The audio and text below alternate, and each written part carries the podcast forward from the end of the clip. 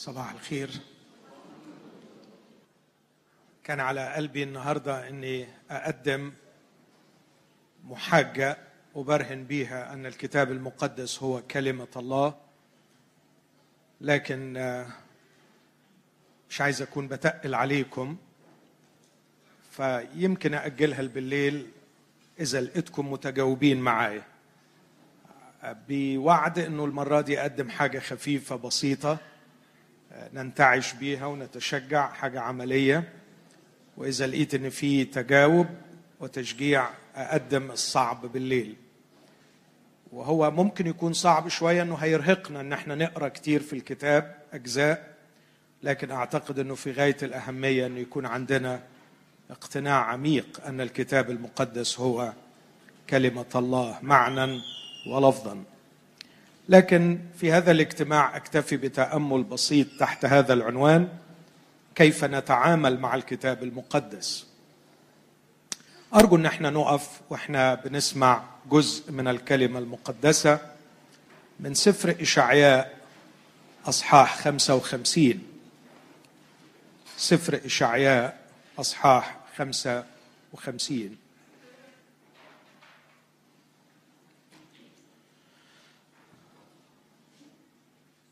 أيها العطاش جميعا هلموا إلى المياه والذي ليس له فضة تعالوا اشتروا وكلوا. هلموا اشتروا بلا فضة وبلا ثمن خمرا ولبنا. لماذا تزنون فضة لغير خبز؟ وتعبكم لغير شبع. استمعوا لي استماعا وكلوا الطيب ولتتلذذ بالدسم أنفسكم. أميلوا أذانكم وهلموا إلي. اسمعوا فتحيا أنفسكم. وأقطع لكم عهدا ابديا مراحم داوود الصادقه وذا قد جعلته شارعا للشعوب رئيسا وموصيا للشعوب. ها امه لا تعرفها تدعوها وامه لم تعرفك ترقد إليك. من أجل الرب إلهك وقدوس إسرائيل لأنه قد مجدك. اطلبوا الرب ما دام يوجد ادعوه وهو قريب. ليترك الشرير طريقه ورجل الإثم أفكاره وليتب إلى الرب فيرحمه. وإلى إلهنا لأنه يكثر الغفران. لأن أفكاري ليست أفكاركم ولا طرقكم طرقي يقول الرب. لأنه كما علت السماوات عن الأرض هكذا على طرقي عن طرقكم وأفكاري عن أفكاركم. لأنه كما ينزل المطر والثلج من السماء ولا يرجعان إلى هناك بل يرويان الأرض ويجعلانها تلد وتنبت وتعطي زرعا للزارع وخبزا للآكل. هكذا تكون كلمتي التي تخرج من فمي. لا ترجع إلي فارغة بل تعمل ما سررت به وتنجح فيما أرسلتها له. لأنكم بفرح تخرجون وبسلام تحضرون. الجبال والأكام تشيد أمامكم ترنما وكل شجر الحقل تصفق بالأيادي. عوضا عن الشوك ينبت سرو وعوضا عن القريس يطلع آس ويكون للرب اسما علامة أبدية لا تنقطع. هذه هي كلمة الرب. خلونا نقدم الشكر ونطلب منه أن يفتح قلوبنا وأذهاننا لكيما نتعلم لكيما نغنى بها لكيما نتغير بها. ولكي نكون متأهبين لكل عمل صالح.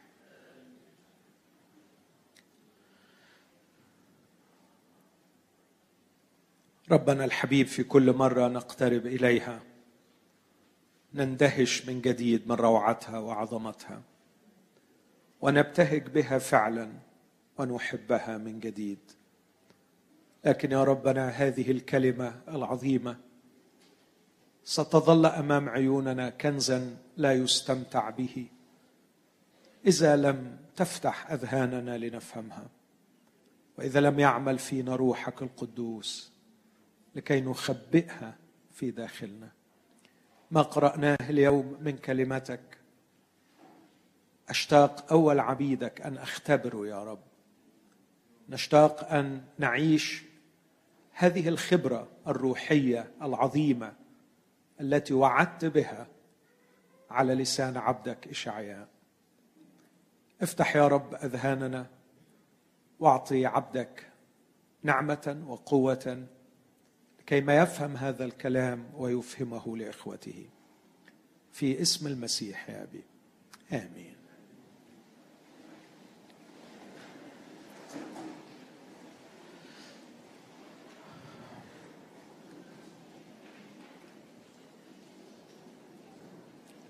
رسالة اللي على قلبي رسالة عملية.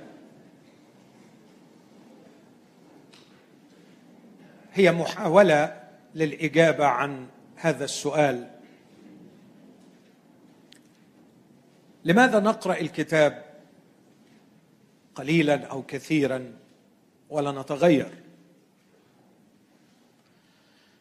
لماذا حفظ اليهود في أيام المسيح الكلمة عن ظهر قلب لكنهم في النهاية قتلوا المسيح. كان الرب يسوع في كل حواراته معهم يستعمل كثيرا هذه العبارة. أما قرأتم قط؟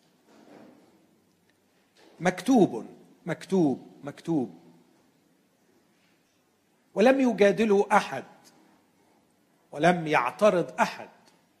على اقتباساته أو لم يراجعوه فيما اقتبس. لأنهم على الأرجح كانوا يحفظون الكلمة عن ظهر قلب. كانوا يخضعون وتسد أفواههم حينما يحاججهم المسيح بالكلمة. قيل عنهم مرة أن الفريسيين سمعوا أنه افحم الصدوقين أبكم الصدوقين. مرة أخرى قيل لم يكسر أحد بعد هذا أن يسأله. اذا كانوا يعرفون المكتوب. كانوا في كل سبت يقرؤونه ويحفظونه. لكن الشيء الغريب أنهم كانوا بجوار النهر وماتوا من العطش. كانت الكلمة قريبة منهم في فمهم وفي ذهنهم لكن للأسف لم تدخل إلى قلبهم كانت لديهم تفسيرات مختلفة وكثير من هذه التفسيرات كان صحيحا. صحيح كان بعضها خاطئ لكن بعضها كان صحيحا. والشروحات الباقية من القرون الأولى تقول أنهم إلى حد كبير كانوا يفهمون العهد القديم. صحيح كان عندهم مشاكل مع شخص الرب يسوع كيف يكون هو المسيح ابن داود لكن لا ننسى إنه حتى التلاميذ أنفسهم كان عندهم نفس المشكلة. فحتى بعد القيامة بيقولوا كنا نرجو أنه هو المزمع أن يفدي إسرائيل. لكن لماذا استفاد التلاميذ ولم يستفد باقي اليهود؟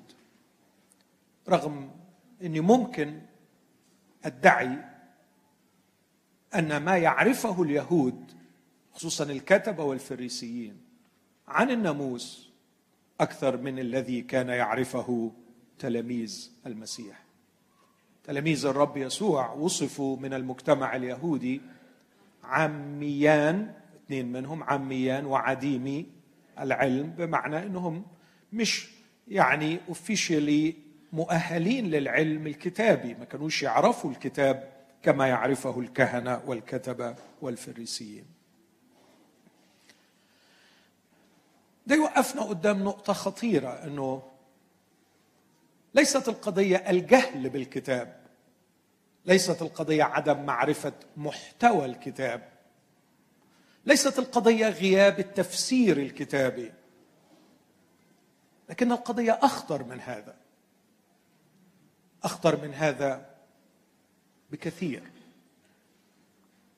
لو كان الغرض المطلوب في النهاية من الكتاب هو المعرفة فأعتقد أن هذا الغرض قد تم مع هؤلاء الناس. لكن أعتقد أن الغرض المطلوب من الكتاب المقدس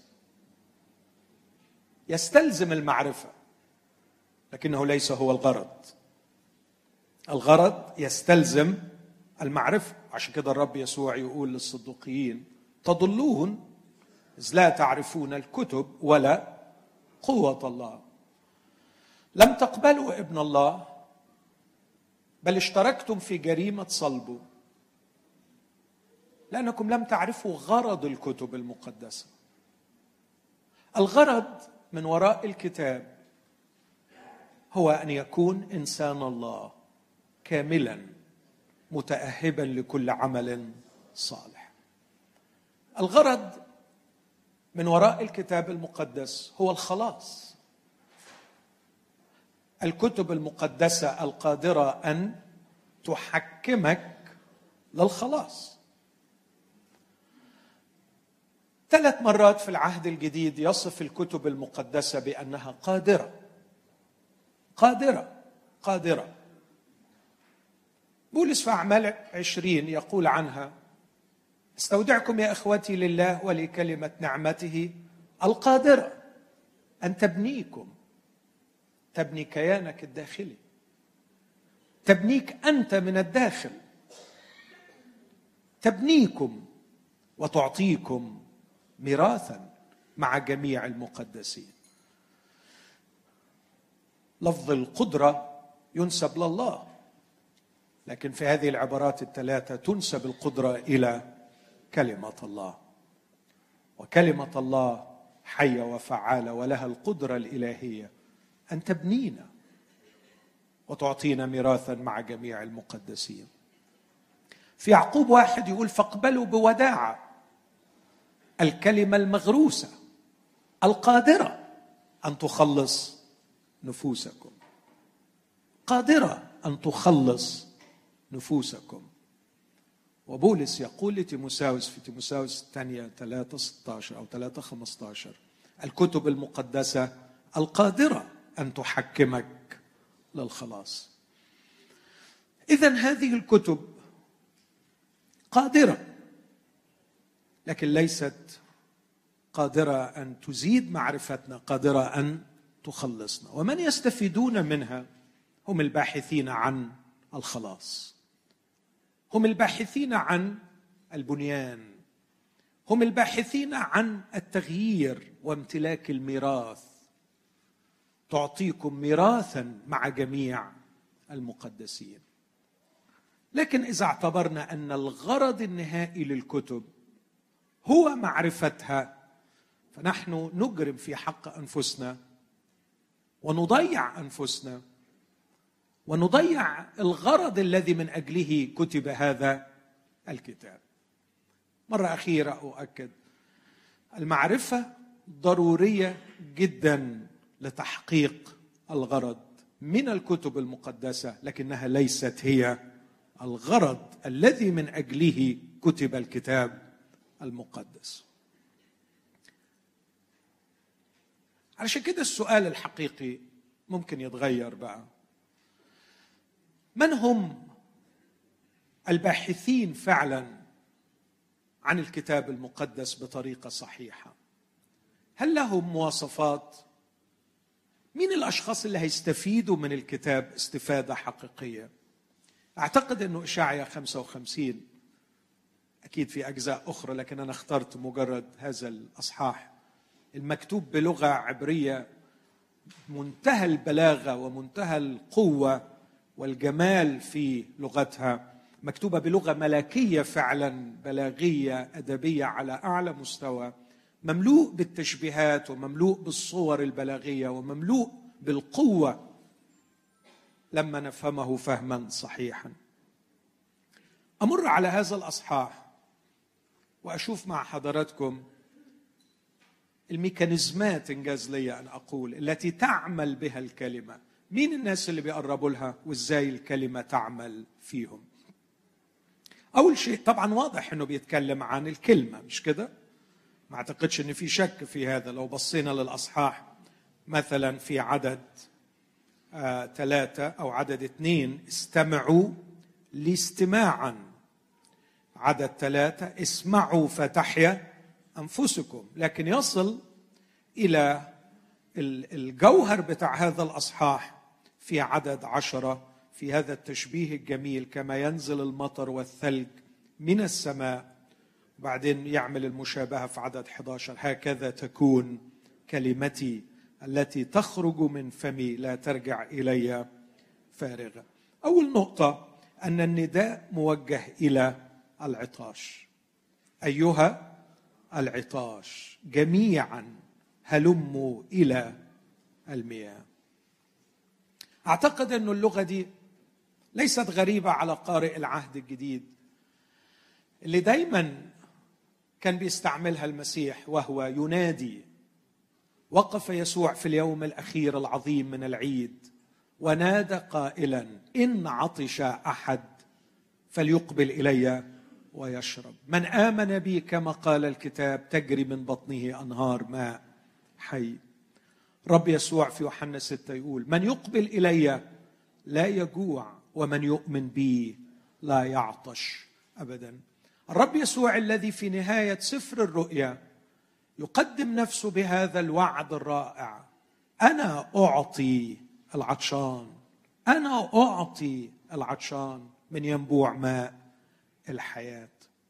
المسيح يوجه كلامه وإشعيا هنا يوجه كلامه إلى العطاش. أكيد الكلمة دي غريبة ومبهمة وتحتاج إلى تفسير لأنه المفروض نسأل عطاش إلى ماذا؟ عطشانين لإيه؟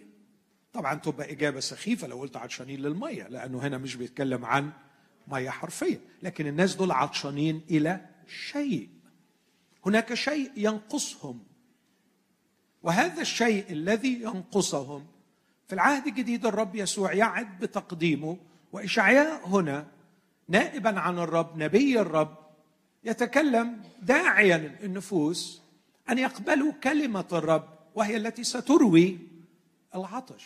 ما هو هذا العطش؟ اعتقادي يا إخوتي لا يمكن أن يكون مجرد عطش معرفي لكنه عطش وجودي. وأقصد بالعطش الوجودي عطش أشخاص يشعرون بالرغبة في الخلاص. الخلاص من مأساة الموت والهلاك والعدم. ولما أقول الهلاك والموت والعدم ما بتكلمش عن ما هو آتي بعد الموت لكن بتكلم عن واقع حالي. كلمة الله جذابة وكلمة الله تتفاعل وتنتج أثرها مع الأشخاص الذين يقبلون إليها. عطشانين إلى حالة إلى وجود مختلف عن الوجود الذي يعيشونه. لأنه الحقيقة الوجود اللي بيعيشوه هو عدم وليس وجود حقيقي. عايز أنزل الكلام إلى أرض الواقع بأمثلة عملية. أعتقد أن المرأة السامرية مثال جيد لهؤلاء العطاش وجوديا. عطشانه وجوديا. أعتقد أن زكا مثال رائع للعطشان وجوديا. أعتقد أن المرأة الخاطئة مثال جيد للعطشان وجوديا. وعشان كده الناس دول كان استقبالهم لكلمة الله أو استقبالهم لشخص المسيح مختلف عن آلاف حولهم أكيد كل اليهود كانوا بيعانوا. كان يسوع حيثما صار تتبعه الجموع. فمرة بحثوا عنه باجتهاد حتى وجدوه. لكن يسوع نظر إليهم وقال لهم الحق أقول لكم أنكم تبعتمونني ليس لأنكم رأيتم آيات تبرهن من أنا هو. لكن تبعتموني لأنكم أكلتم من الخبز وشبعتم. اعملوا لا للطعام البائد بل للطعام الباقي للحياة الأبدية. الطعام البائد. قد يكون طعام حرفي زي الناس دول. وقد يكون طعام معنوي. فالبعض يلجأ لكلمة الله باحثا عن الهوية باحثا عن بعض الاحتياجات النفسية. بانتماء إلى كنيسة بانتماء إلى طائفة تستلزم معرفة كتابية فيندمج في المعرفة الكتابية. ليس منطلقا من عطش وجودي حقيقي للتغيير وللحياه الحقيقية لكن لمجرد أنه ربما هذا هو الفرض المفروض علينا أن نعرف الكتاب أو هذا هو الطقس الذي ينبغي أن نمارسه أن نقرأ وندرس الكتاب. وبالتالي نزداد في المعرفة الكتابية لإشباع احتياجات نفسية خاطئة لا تغير من أخلاقياتنا ولا تغير من حياتنا. لكن المرأة السامرية كانت تعبت. وأنا عندي خبر رائع للتعبانين وإن شاء الله يكون فعلا عندك هذا الشعور بالتعب. كانت تعبت استهلكت استهلكت نفسيا وجسديا أنهكت وصلت لمرحلة إنها تعبانة. عايزة تطلع من اللي هي فيه. بس مين يطلعها؟ مين ينقذها؟ مين يخرجها من هذه الحم التي سقطت فيها. صرخات امرأة مكتومة لا يحترمها المجتمع ولا يقدرها.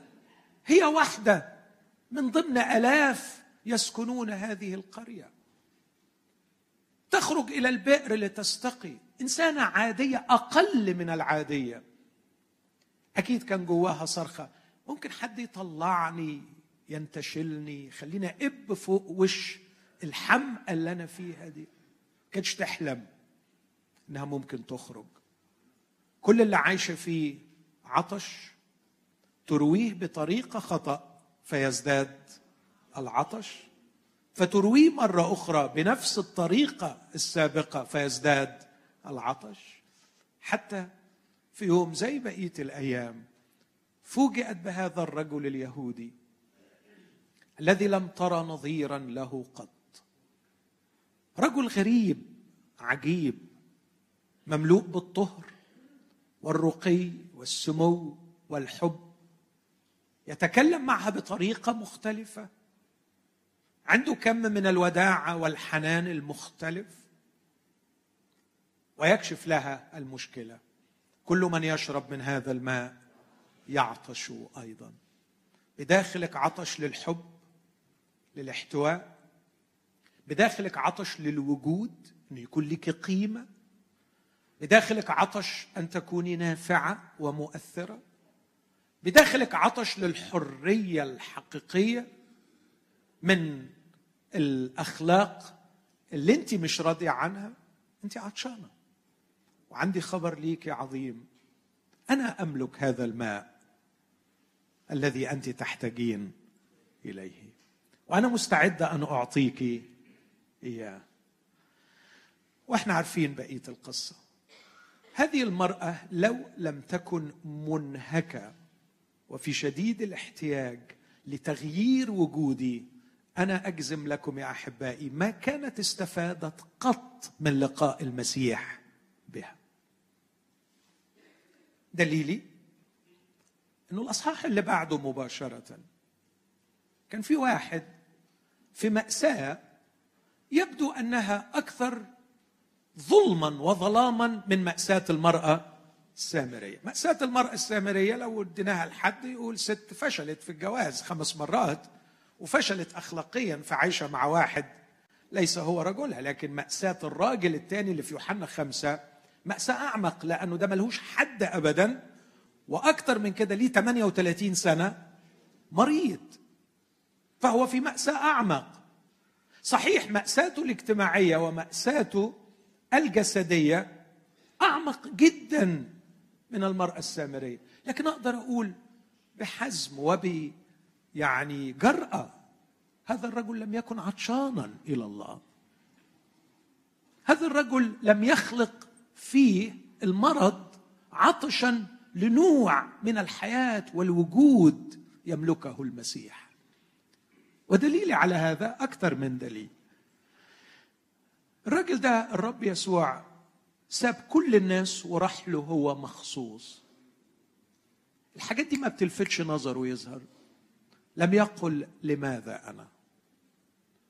من يومين كنت مع أخ وتأثرت جدا من دموعه اللي ما قدرش يمسكها وهو بيقول لي ليه أنا؟ ليه أنا؟ وأنا اتعودت أسمع كلمة ليه أنا ولماذا أنا؟ بس بسمعها دايما من المتألمين. لكن الأخ ده كان بيبكي لأنه مغمور بإحسانات الرب. ومكسوف وعمال يبكي وبيقول لماذا أنا؟ كل اللي قدرت أعمله له. قلت له أشجعك. اللي بيسألوا ربنا لماذا أنا أمام الإحسان؟ أمام الإحسانات. غالبا لا يحتاج إلى الضيقات. لماذا أنا؟ لماذا أنا يغمرني الرب بهذا الإحسان؟ يا بني آدم حولك جمهور كثير من جدع وعرج وعسم وعم مضطجعين ينتظرون ملاك يحرك الماء وأنت يسيب كل الجمهور ده ويأتي إليك.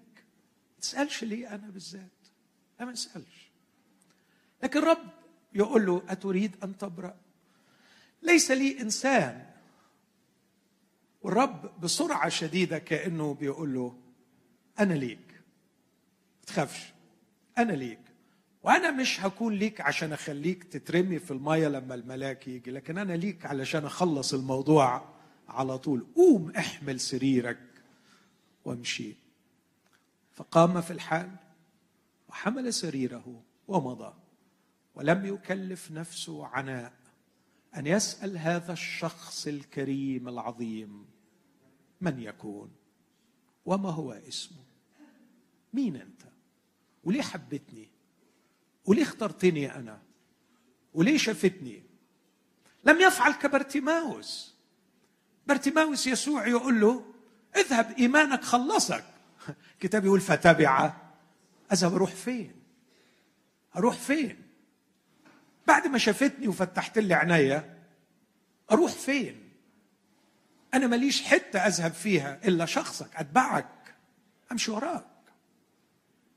هذا المجنون الذي شفاه يسوع يسوع يتوسل اليه أن يمضي إلى بيته لأنه كان مصرا أن يلتصق بيسوع ويتبع يسوع ويمشي مع يسوع.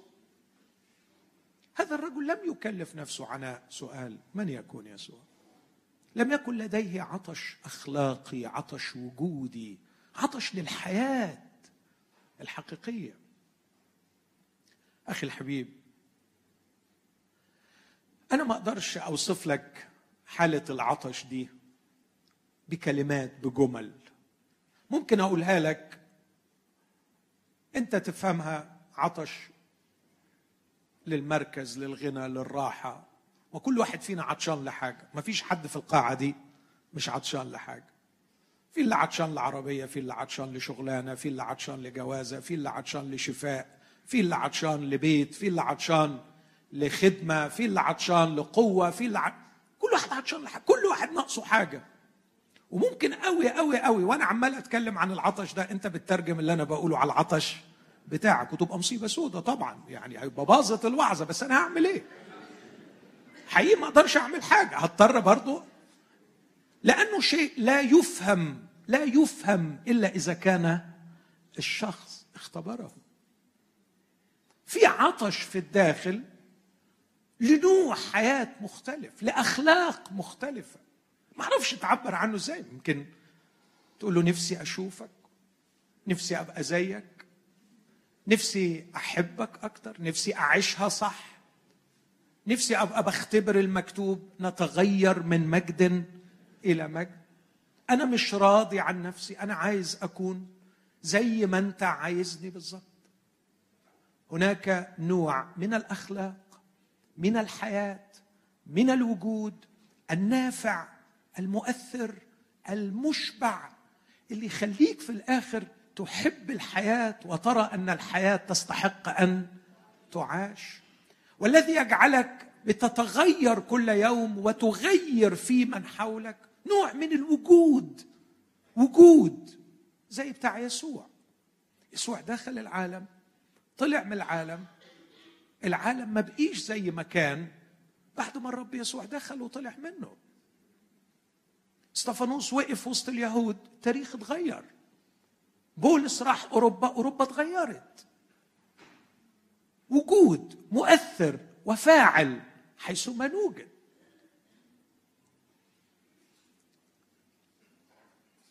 زكى كان عطشان. ولا ما كانش عطشان؟ كان عطشان. وطلب أن يرى يسوع. من هو؟ من هو؟ إيه اللي شغل أنت مالك ومال الحاجات دي؟ أنت مالك ومال الدين من أصله؟ انت ما حدش عرفك في عيشتك إلا بتوع الدين. اللي يدخلك انت في واحد ربي معلم يهودي عمال يوعظ زي ما في غيره كتير. اللي يشغلك انت انت خليك في الفلوس وخليك في المشاكل بتاعتك واصحابك اللي بيحسدوك من العشارين وبعدين انت عندك شغل كتير انت رئيس للعشارين فانت عندك عداوة مع المتدينين وعندك منافسة من زملاتك العشر. يا عم خليك في مصالحك وخلص قضيتك وخلص مشاكلك. لكن اليوم ده خدوا أجازة. وعرف إن يسوع جاي أريحة. ترك كل شيء. ومضى لكي يرى يسوع. وبص قوة العطش. ولأنه كان قصير القامة. لم يستطع أن يراه من الجمع. فصعد على جميزة.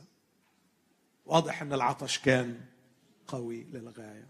تخلى عن المركز الاجتماعي عن الاعتبارات الاجتماعية تخلى عن سخرية الساخرين وهزء الهازئين تخلى عن توقعه أن هناك من ينتظر أن يتصيد له شيئا وصعد على الجميزه لكي يرى يسوع.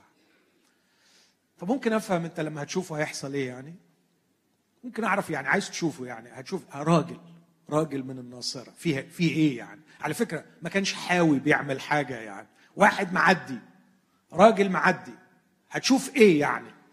كلمة غريبة. طلب أن يرى يسوع. من هو؟ إخوتي الأحباء أكاد أجزم. كان في قلب هذا الرجل أسئلة غير مجابة. كان في قلب هذا الرجل عطش لشيء لا يعلم شكله.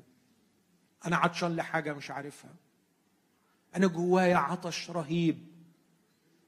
لشيء؟ لشخص؟ مش عارف. لوضع أنا مش عارف بس أنا عطشان. وعندي إحساس إن يمكن الشخص ده هو اللي فيه العلاج. كتبت مرة أن الأشياء نفقد انبهارنا بها في لحظة امتلاكها. والأشخاص يقل انبهارنا بهم بحجم معرفتنا لهم. أي شيء تفقد انبهارك به على الفور في لحظة امتلاكك لي. وأي شخص أؤكد ليك انبهارك به يتناسب تناسبا عكسيا مع حجم معرفتك به. بعدين قلت علشان كده نحتاج إلى ما هو ليس بشيء ومن هو أكثر من مجرد شخص؟ لكي نظل في حالة انبهار. ونحن نحتاج للانبهار. نحتاج لحالة الانبهار والدهشه المستمرة لكي يظل لدينا بهجة الأطفال. أكثر شيء بيسعد الأطفال إنهم لسه قادرين على الانبهار. وكل ما بيتقدموا في العمر لو تاخد بالك انبهارهم بيقل حتى يصلوا إلى ملل المراهقة القاتل. ويبقى كل حاجة عندهم بورينج لأنه ما عادش في حاجة تبهرهم. لكن يا إخوتي أنا أعتقد أن إلهنا قادر أن يحتفظ بنا في حالة اندهاش. هناك عطش لشيء يدهشني لشيء يملأني لشيء يجعلني أشعر بقيمتي. محتاج لحاجة مش عارف إيه هي. هذا هو ما اقصده بالعطش الوجودي. مش عايز أقتبس من أقوال الفلاسفة والمفكرين. إزاي تعبوا تعبوا تعبوا. وفي الآخر كتبوا كلام سوداوي لأنه مش لاقيين الحاجة دي فافترضوا إنها مستحيل إنها تكون موجودة. وكان الاستنتاج إن الحياة دي فيها حاجة غلط من أصله لأن مخليانا دايما عطشانين لحاجة مش عارفين نوصل لها لكن سي إس لويس بس أقتبس من ده عبارة واحدة. قال هذا العطش لشيء تعجز الحياة على الأرض أن تقدمه يؤكد بالبرهان أن الإنسان مخلوق للسماء. مخلوق للسماء. هناك شيء نحتاج إليه عجزت الأرض على مر السنين أن تقدمه. لو حبيت أوصف ملامحه أقول علاقة مع ثابت لا يتغير. وتأثير يبقى إلى الأبد. وبروز للإمكانيات وتفعيل للإمكانيات التي لم تعرف. حالة يصل فيها الشخص أن يدخل في علاقة عميقة مع الله الذي لا يتغير. فيها تفعل امكانياته التي لا يعرف عنها شيء فيتحقق يتحقق هذا الإنسان ويوجد وفيها يؤثر في المجتمع الذي حوله ويغير. هي دي الحياة التي دعا إليها يسوع المسيح. وهذا هو العطش الموجود في داخل كل واحد منا الذي أطلقت شرارته يوما انفصل الإنسان عن الله. ولم يزل يحن للعودة إلى أبيه الذي قال نعمل الإنسان على صورتنا كشبهنا. ومش هيروى هذا العطش إلا إذا رجع وابتدى مش بس يبقى في علاقة مع الله لكن ياخد دور تمثيل الله في هذه الحياة في المكان اللي هو موجود فيه. أول ما شاف يسوع أنا متأكد أنه الاي راجل عادي والعطش بتاعه زي ما هو. يعني أنا جوايا عطش بس حاسس إنه ممكن الراجل ده يكون فيه حاجة لكن يسوع كان مقدر هذا العطش. وهو اللي خد المبادرة وقال له اسرع وانزل. اليوم ينبغي أن أمكث في بيتك يعني أبيت عندك. طبعا هنا كانت الدهشة الأولى. الراجل ده مش بس عارفني باسمي. الراجل ده مش بس مهتم بيا. الراجل ده معلم يهودي الجماهير بالآلاف تتبعه. بيخصني أنا. مش بس إنه يدخل بيتي ده ناوي يبيت عندي. علاقة غريبة عجيبة. وارتوى. ارتوى العطش. وابتدى الوجود الحقيقي يبان وابتدى التغيير الأخلاقي يبان وابتدى الاكتمال والتحقق يبان وبدأنا نشوف زكا واحد مختلف. يا رب نصف أموالي للفقراء والمساكين. إن وشيت بأحد أرد أربعة أضعاف. الرب يسوع يقول اليوم حصل خل أو حضر الخلاص لهذا البيت. وبعدين يعلق الرب بقى تعليق مهم قوي. لما بيقولوا دخل ليبيت عند رجل خاطئ يسوع يقول ابن الإنسان قد جاء لكي يطلب ويخلص ما قد هلك. وكأنه بيقول إن زكا كان في حالة هلاك. فالهلاك مش حاجة نروح على الناس يروحوا لها في الجحيم الهلاك الناس عايشاه الناس عايشة الهلاك. ما هو الهلاك؟ هو العدم. الناس عايشة العدم. أنا من وجهة نظري أن الجحيم هو الوعي الكامل الأبدي بالعدم. الناس هنا عايشة العدم بس بتعرف تسكر وتهرب منه. لكن في الجحيم الوعي المطلق والأبدي بالعدم حيث هذا الضياع والبؤس لكن لا توجد ذرة رجاء من الخروج منه. هنا الناس عندها ذرة رجاء. إنه يمكن لو خدت الحاجة الفلانية أطلع من العدم. يمكن لو امتلكت يمكن العلاقة دي يمكن الرحلة دي يمكن الفسحة دي يمكن الحاجة اللي هشتريها دي يمكن النجاح ده. يخرج بي من العدم. هناك لن يكون أي رجاء. الظلمة الأبدية هو انقطاع الرجاء إلى الأبد. وعي كامل ومطلق بالعدم ولا مخرج ولا مفر ولا هروب منه إلى أبد الآبدين. هذا هو الجحيم في عذابه الحقيقي. لو في حد عطشان النوع ده اللي يعني عملت كل اللي أقدر أعمله ما أعرفش أكتر من كده أوصفه. عطشان لله. أعتقد إنه في هذه الحالة سيحتاج بشدة إلى كلمة الله. والشخص لما هيقرب للرب ويرتوي زي ما يسوع قال إن عطش أحد فليقبل إلي ويشرب.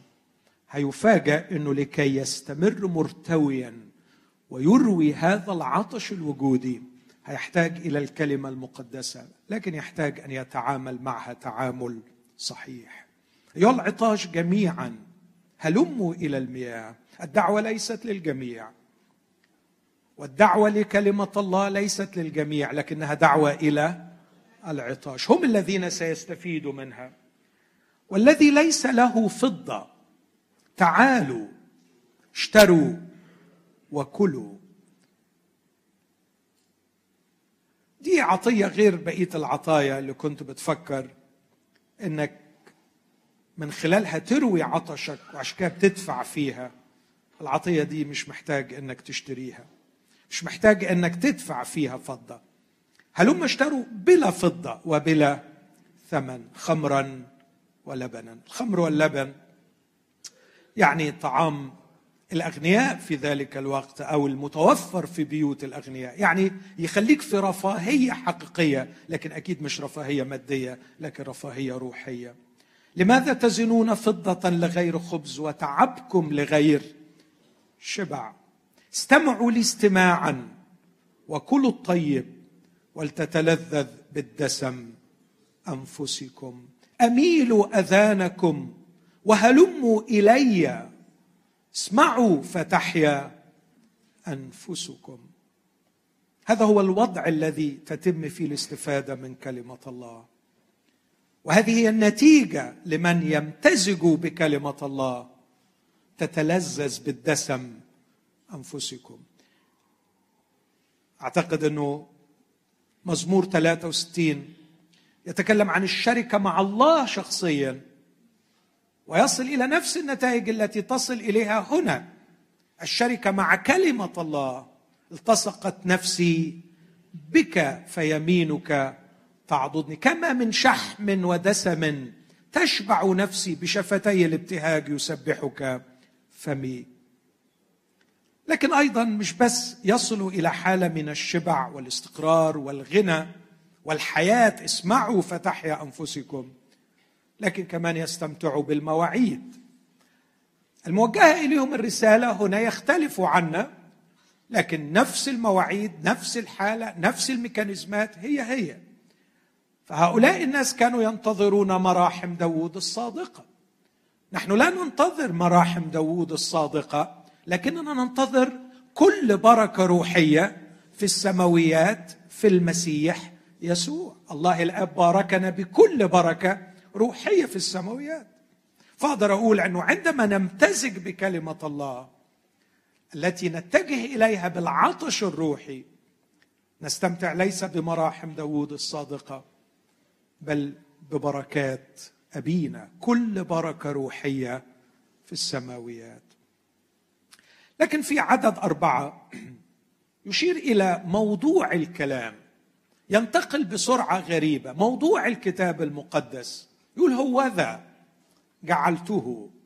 طب مش تقول لنا الأول؟ يقول لا ما إحنا متفقين. إيه موضوع؟ منين ما اتكلم منين ما الله يتكلم ويدعوك للاستماع اليه وليس عنده سوى موضوع واحد. موضوع واحد.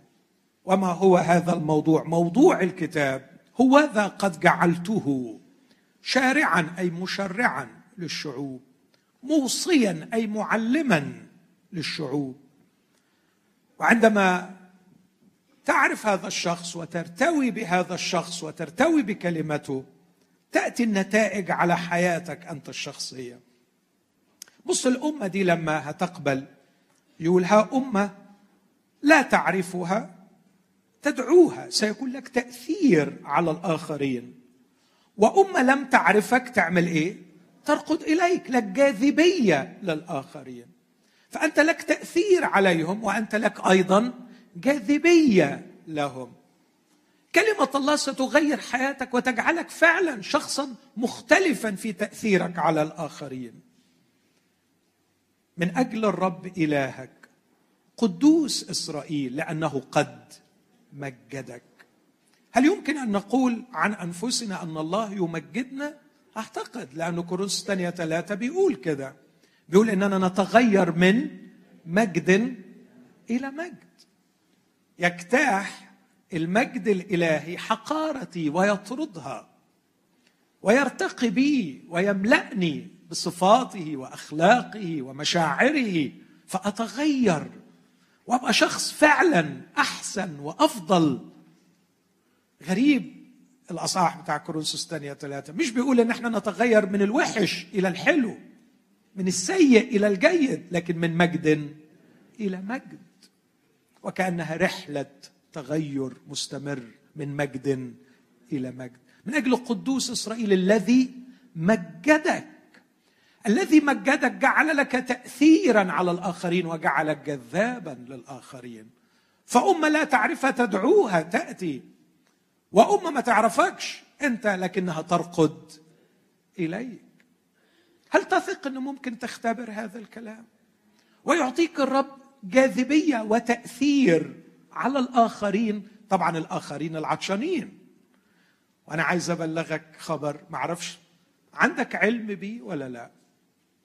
لم أرى مكانا على الأرض في عطاش إلى الله زي المنطقة بتاعتنا. كل يوم أسمع وأتلقى دعوات. يعني يمكن المجال أخشى أصرح. لكن أول امبارح من بلد في الشرق الأوسط دعوة من حكومة للحديث في مهرجان بعنوان سيد الروح. ولما سألت مين سيد الروح؟ سيدنا المسيح هو سيد الروح. يا معقول؟ معقول؟ هل يصل العطش إلى هذا الحد؟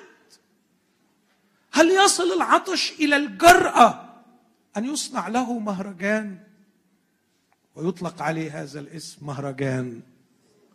سيد الروح. سيد الروح. حواليك في شغلك ناس عطشانة. جيرانك فيهم ناس عطشانين.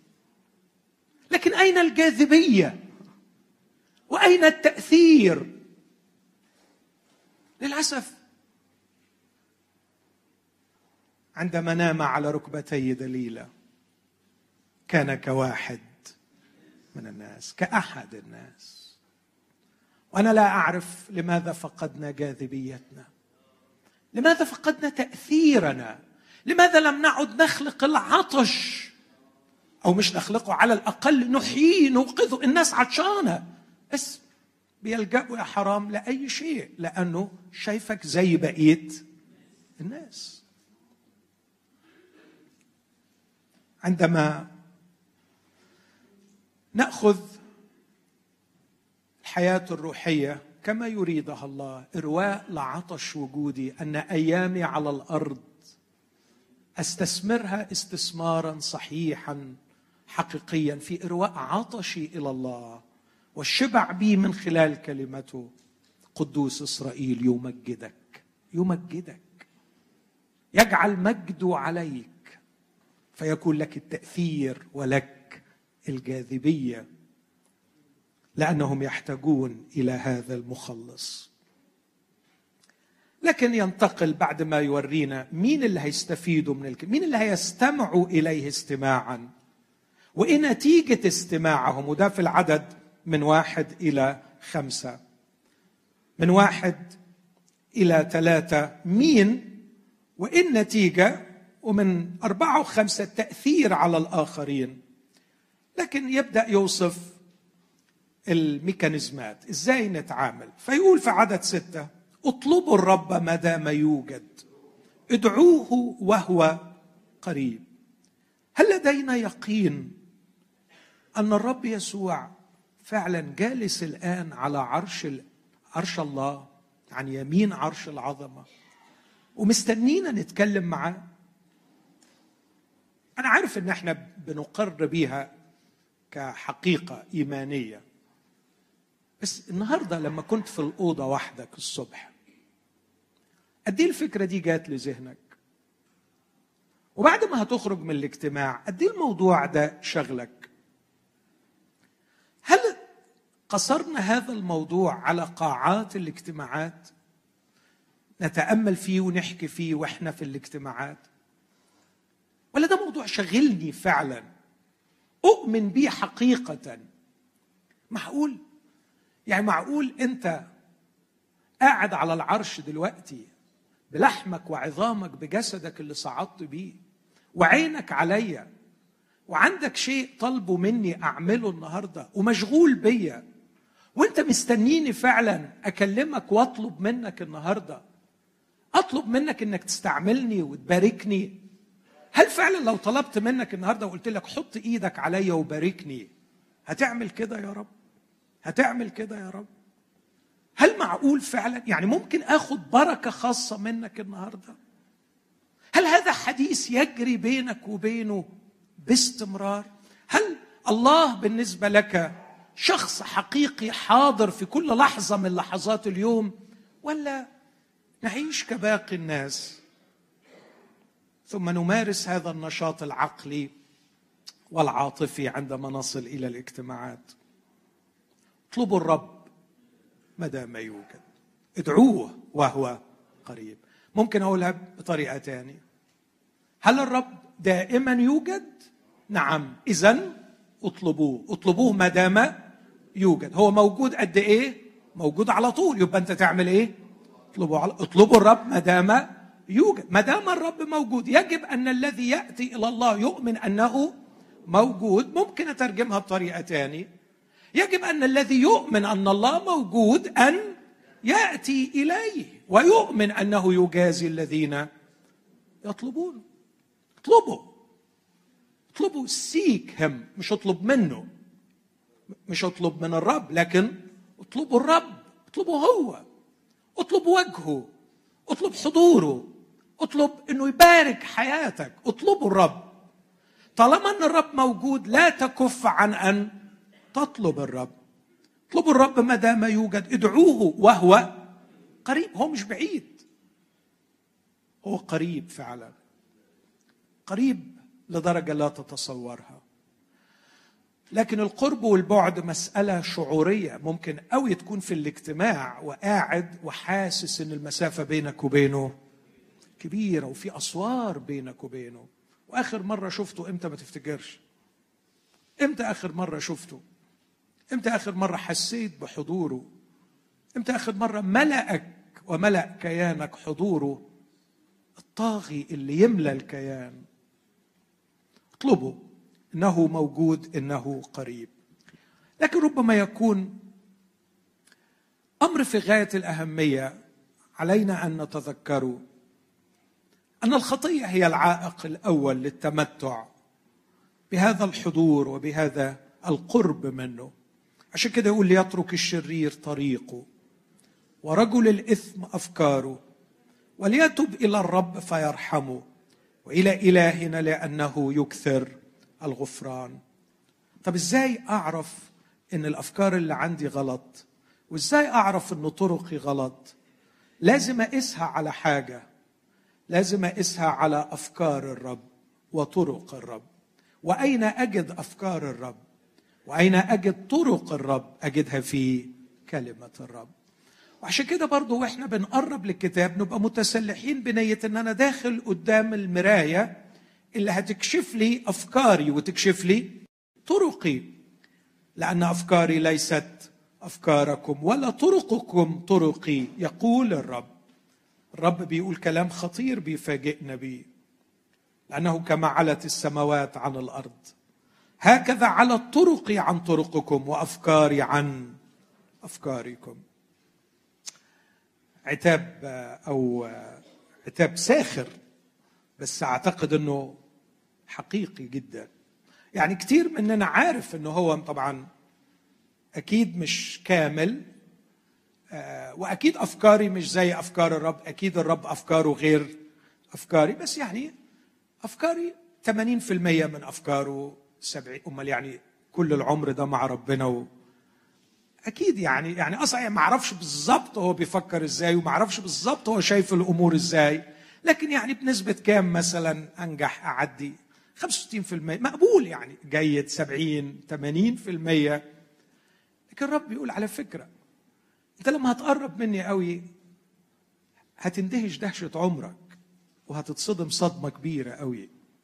هتكتشف إنه كما علت السماء عن الأرض علت أفكاري عن أفكاركم وطرقي عن طرقكم.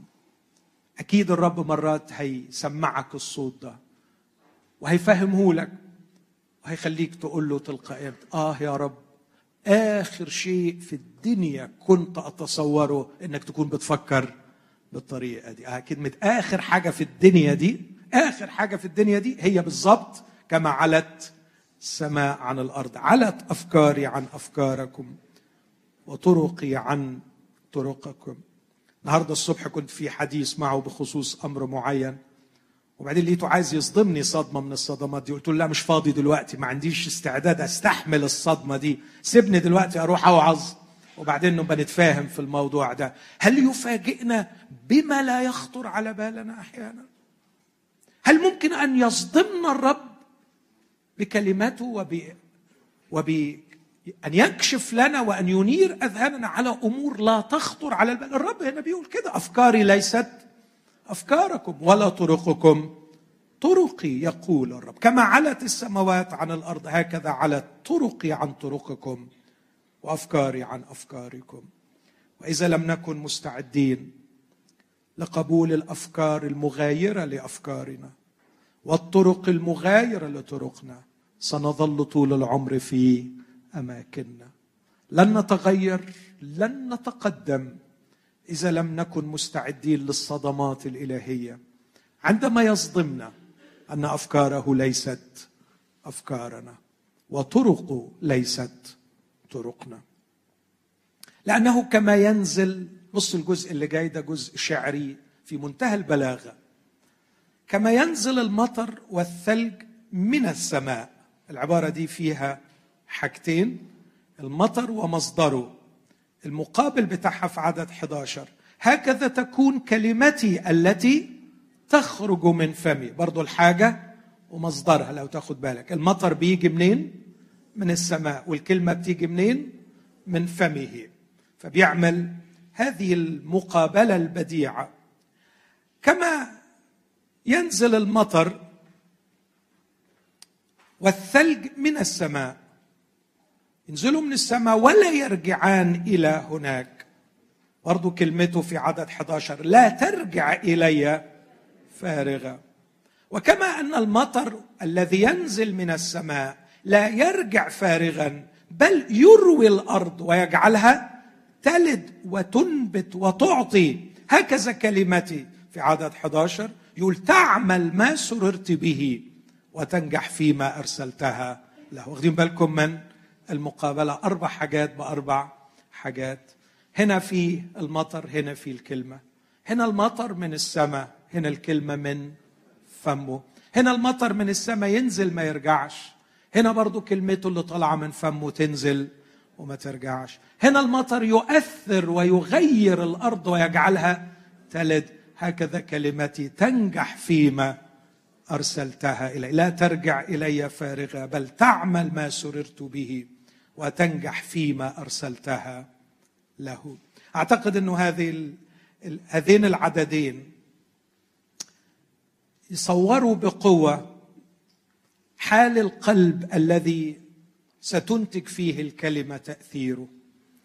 قلب جاهز كالأرض الجيدة المستعدة لبذار الكلمة. ده اللي أشار إليه الرب يسوع في مثل الزارع متى 13 إنه الأرض الجيدة بتحتضن البذار وتأتي بثمر.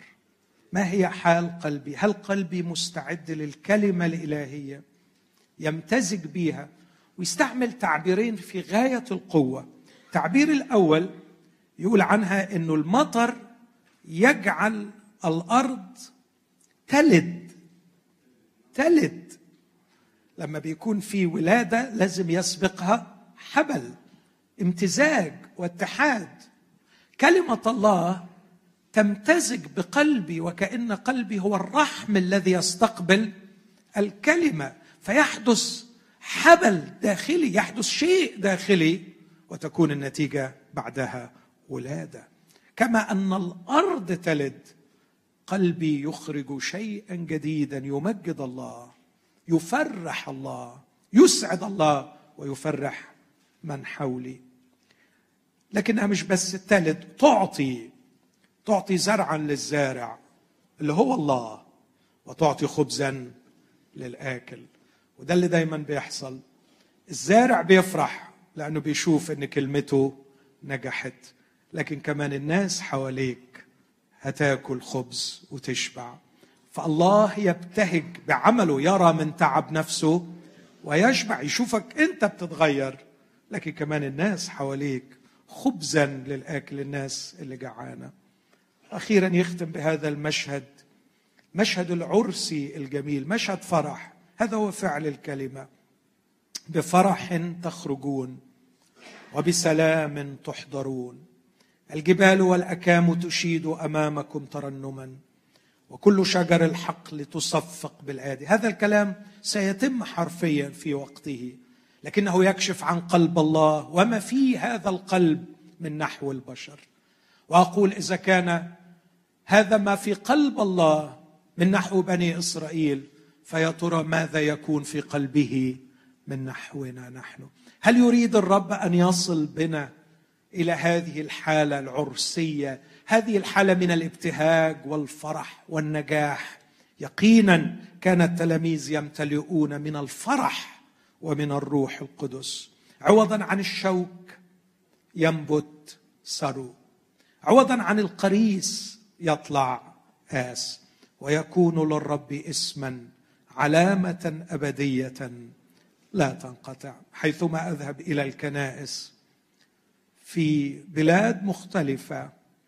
للأسف الشديد أسمع عن الشوك وقلما أرى السر وأسمع عن القريس وأراه وقلما أرى الآس. حيث الروائح الزكية والمناظر الجميلة وإن دل هذا على شيء يدل على أنه هناك غياب لكلمة الله.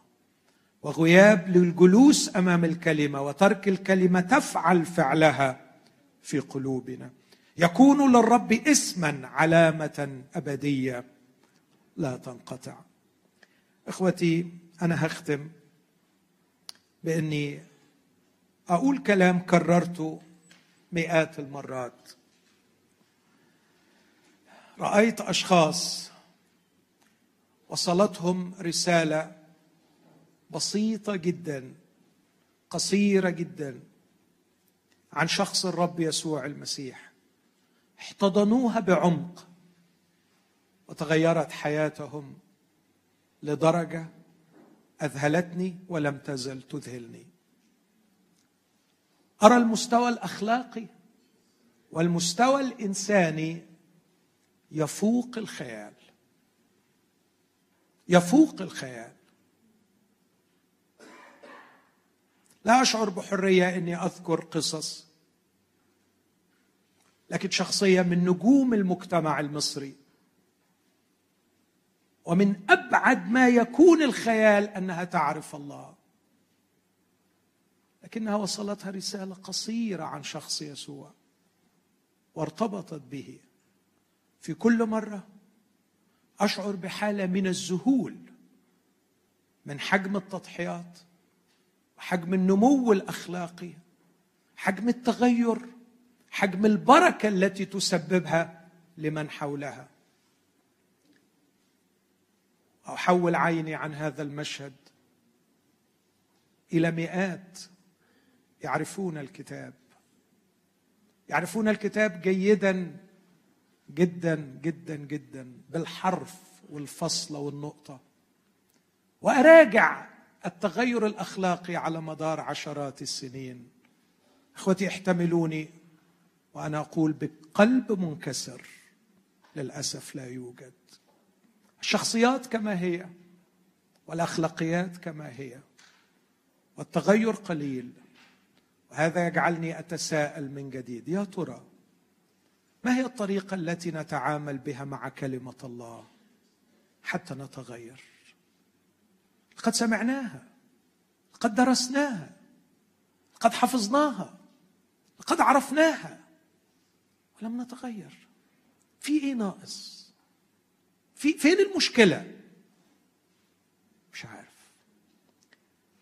لكن أقول أيضا كنت في بلد قريبا وسئلت سؤال وأعطاني الرب هذه الإجابة وأعتقد أننا ربما تساعدنا.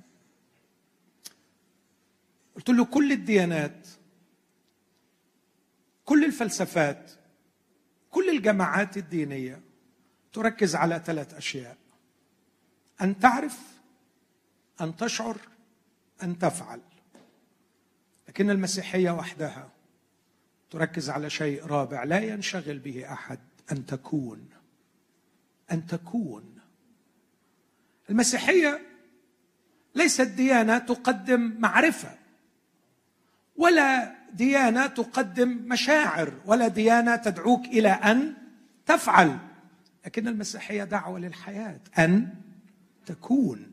إنت من جوه تكون. ربما هذا يساعد. يساعد من يشعر أنه لم يتغير. لأنه يمكن طول العمر هو مستهلك في إنه يعرف أو مستهلك في إنه يشعر. أو مستهلك في إنه يفعل. ويمكن مش واخد باله أن الرب دعينا لكي نكون.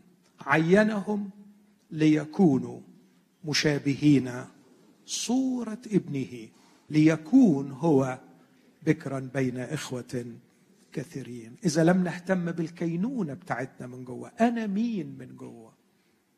أعتقد إنه لا المعرفة ولا المشاعر ولا الأفعال هتقدر تغيرني ولا هتكون مقبولة عند الرب.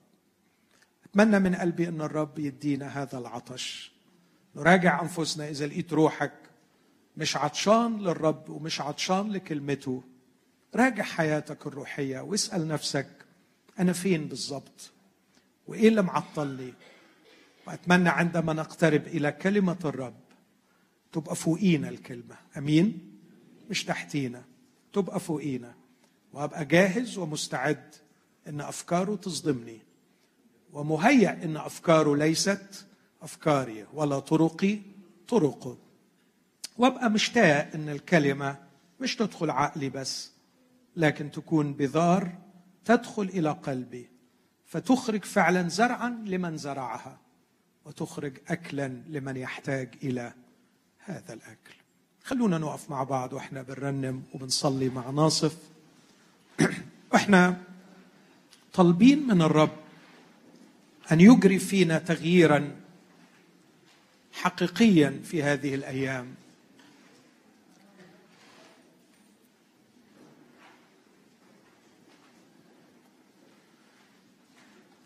قل له يا رب أنا مش عايز أبقى جيت المؤتمر وكنت عارف بنسبة 75% طلعت عارف 76 أو 77 وزادت معرفتي. لكن يا رب أنا عايز أتغير. عايز أتغير. عايز أبقى شخص مختلف.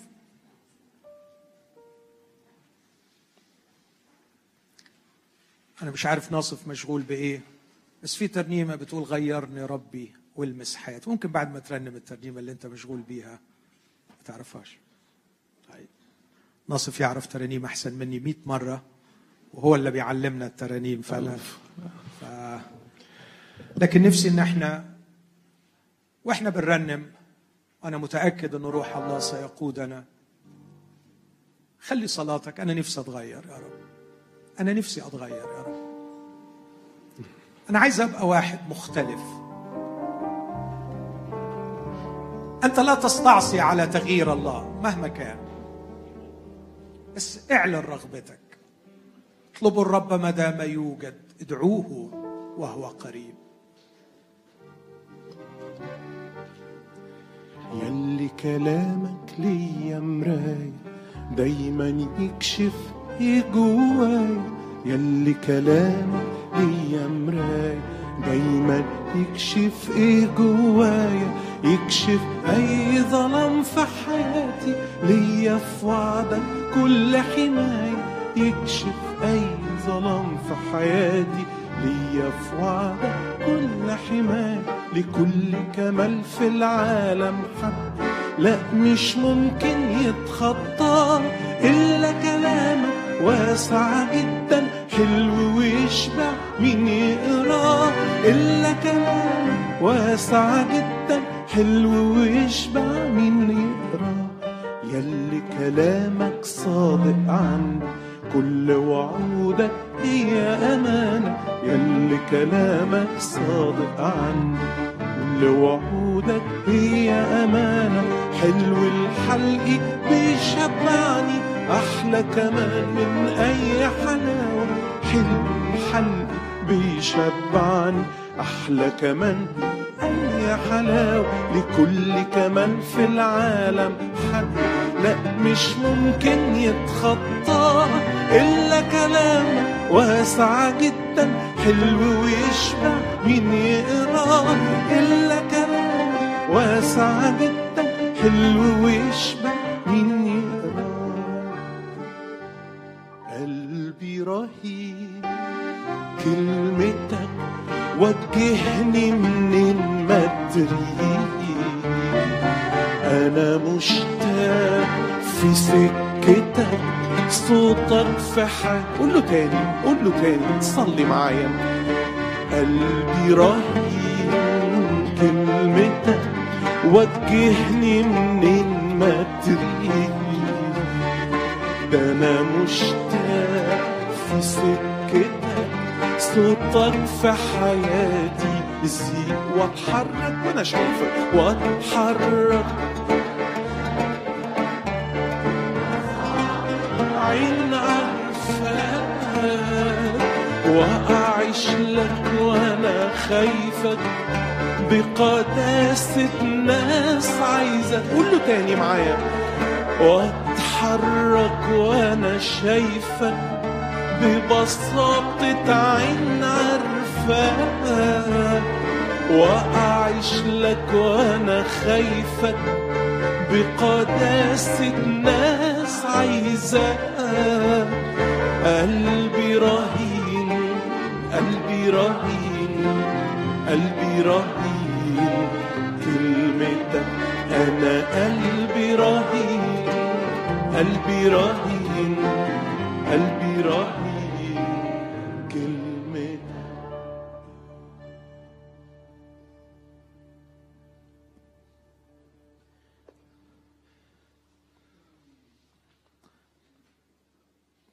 معرفش كم مرة الكتاب قال عن يسوع إنه اغتاظ. لكن أعتقد إنها يمكن مرة أو مرتين لكن المرة اللي فاكرها عندما قدموا إليه الأطفال وحاولوا تلاميذه يمنعوهم يقول الكتاب أن يسوع اغتاظ اغتاظ. لأنه كان في شوق أن يحتضنهم وأن يباركهم. وعندما انزاحوا من الطريق احتضن الأطفال وباركهم. رب يسوع عايزنا نجيله زي الأطفال. وأقول له باركني باركني. أنا محتاجك. عبر عن احتياجك وشوقك. يسوع يغتاظ إذا كان هناك شيء يمنعك من أن تأتي إليه كالطفل لكي يباركك. اطلب من الرب. قل له أنا محتاج نقلة جديدة في حياتي. محتاج أمشي من سكة تاني. محتاج أتغير. مش عايز أكمل يا رب. سنة ورا سنة. مؤتمر ورا مؤتمر. وأنا زي ما أنا. نفسي نفسي كلمتك اللي عمال ترميها في قلبي. تطلع زرع للزارع. تطلع خبز للآكل. نفسي انت تفرح بيا تشوف فيا حاجة تفرحك. ونفسي كمان الناس الجعانة تاكل من إيدي تاكل من الخير اللي انت بتدهوني. خد الوقت ده بينك وبين الرب. إنه موجود. اطلبوه ما دام موجود. إنه قريب فادعوه. ادعوه وهو قريب. خذ القرار إنك تترك أي إثم أي فكر أي طريق رديء. الرب بيشعرك إنه مش راضي عنه. عبر عن إخلاصك بأنك تعمل حاجة تاخد خطوة. في حاجة غلط فيها شك اتركها. يمكن هي دي اللي موقفة البركة. دي اللي مخليها يسوع مغتاظ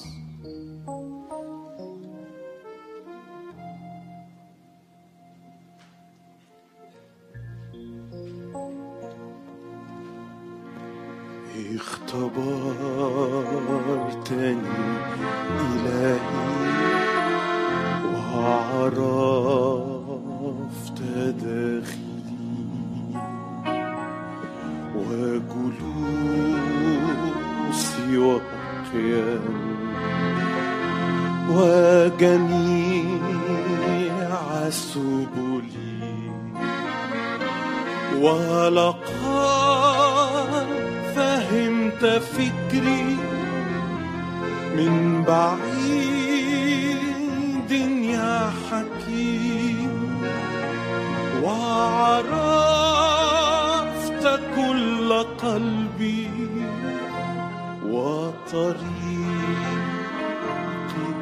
آخر عدد اختبرني اختبرني يا إلهي وامتحني يا خبير فاحصا قلبي فاحصا قلبي ولبي.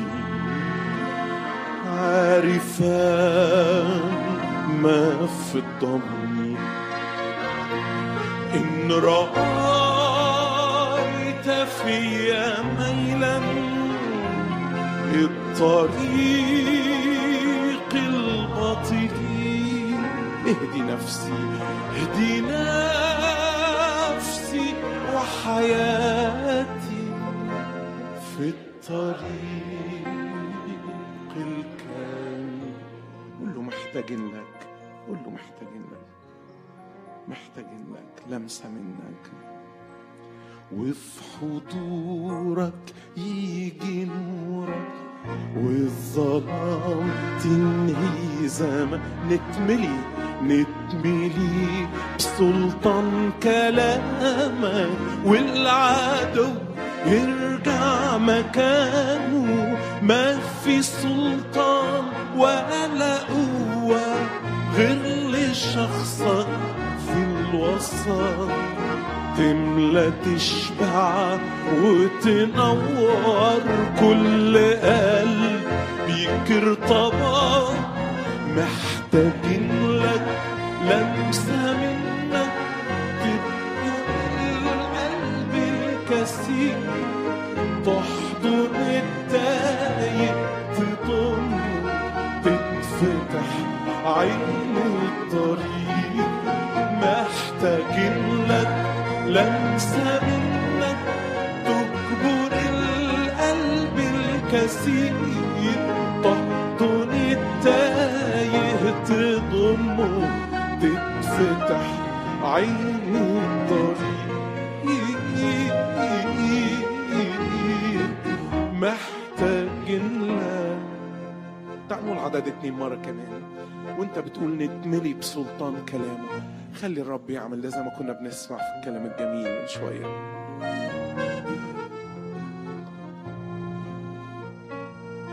وفي حضورك يجي نورك والظلام تنهي. زمان نتملي نتملي بسلطان كلام والعدو يرجع مكانه. ما في سلطان غير لشخصك في الوسط. تملى تشبع وتنور كل قلب يجر طبعا. محتاجين لك لمسة منك تكبر القلب الكثير. تحضن التايه تضم تتفتح. عين الطريق محتاجين لك لمسة منك تكبر القلب الكثير. تحضن التايه تضم تتفتح عين الطريق. محتاجين لك.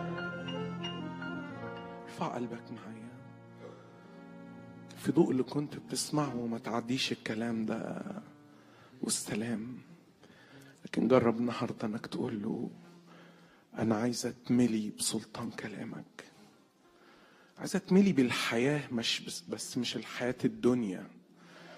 عايز اتملي بالحياة منك من كلمتك الحية من قلبك.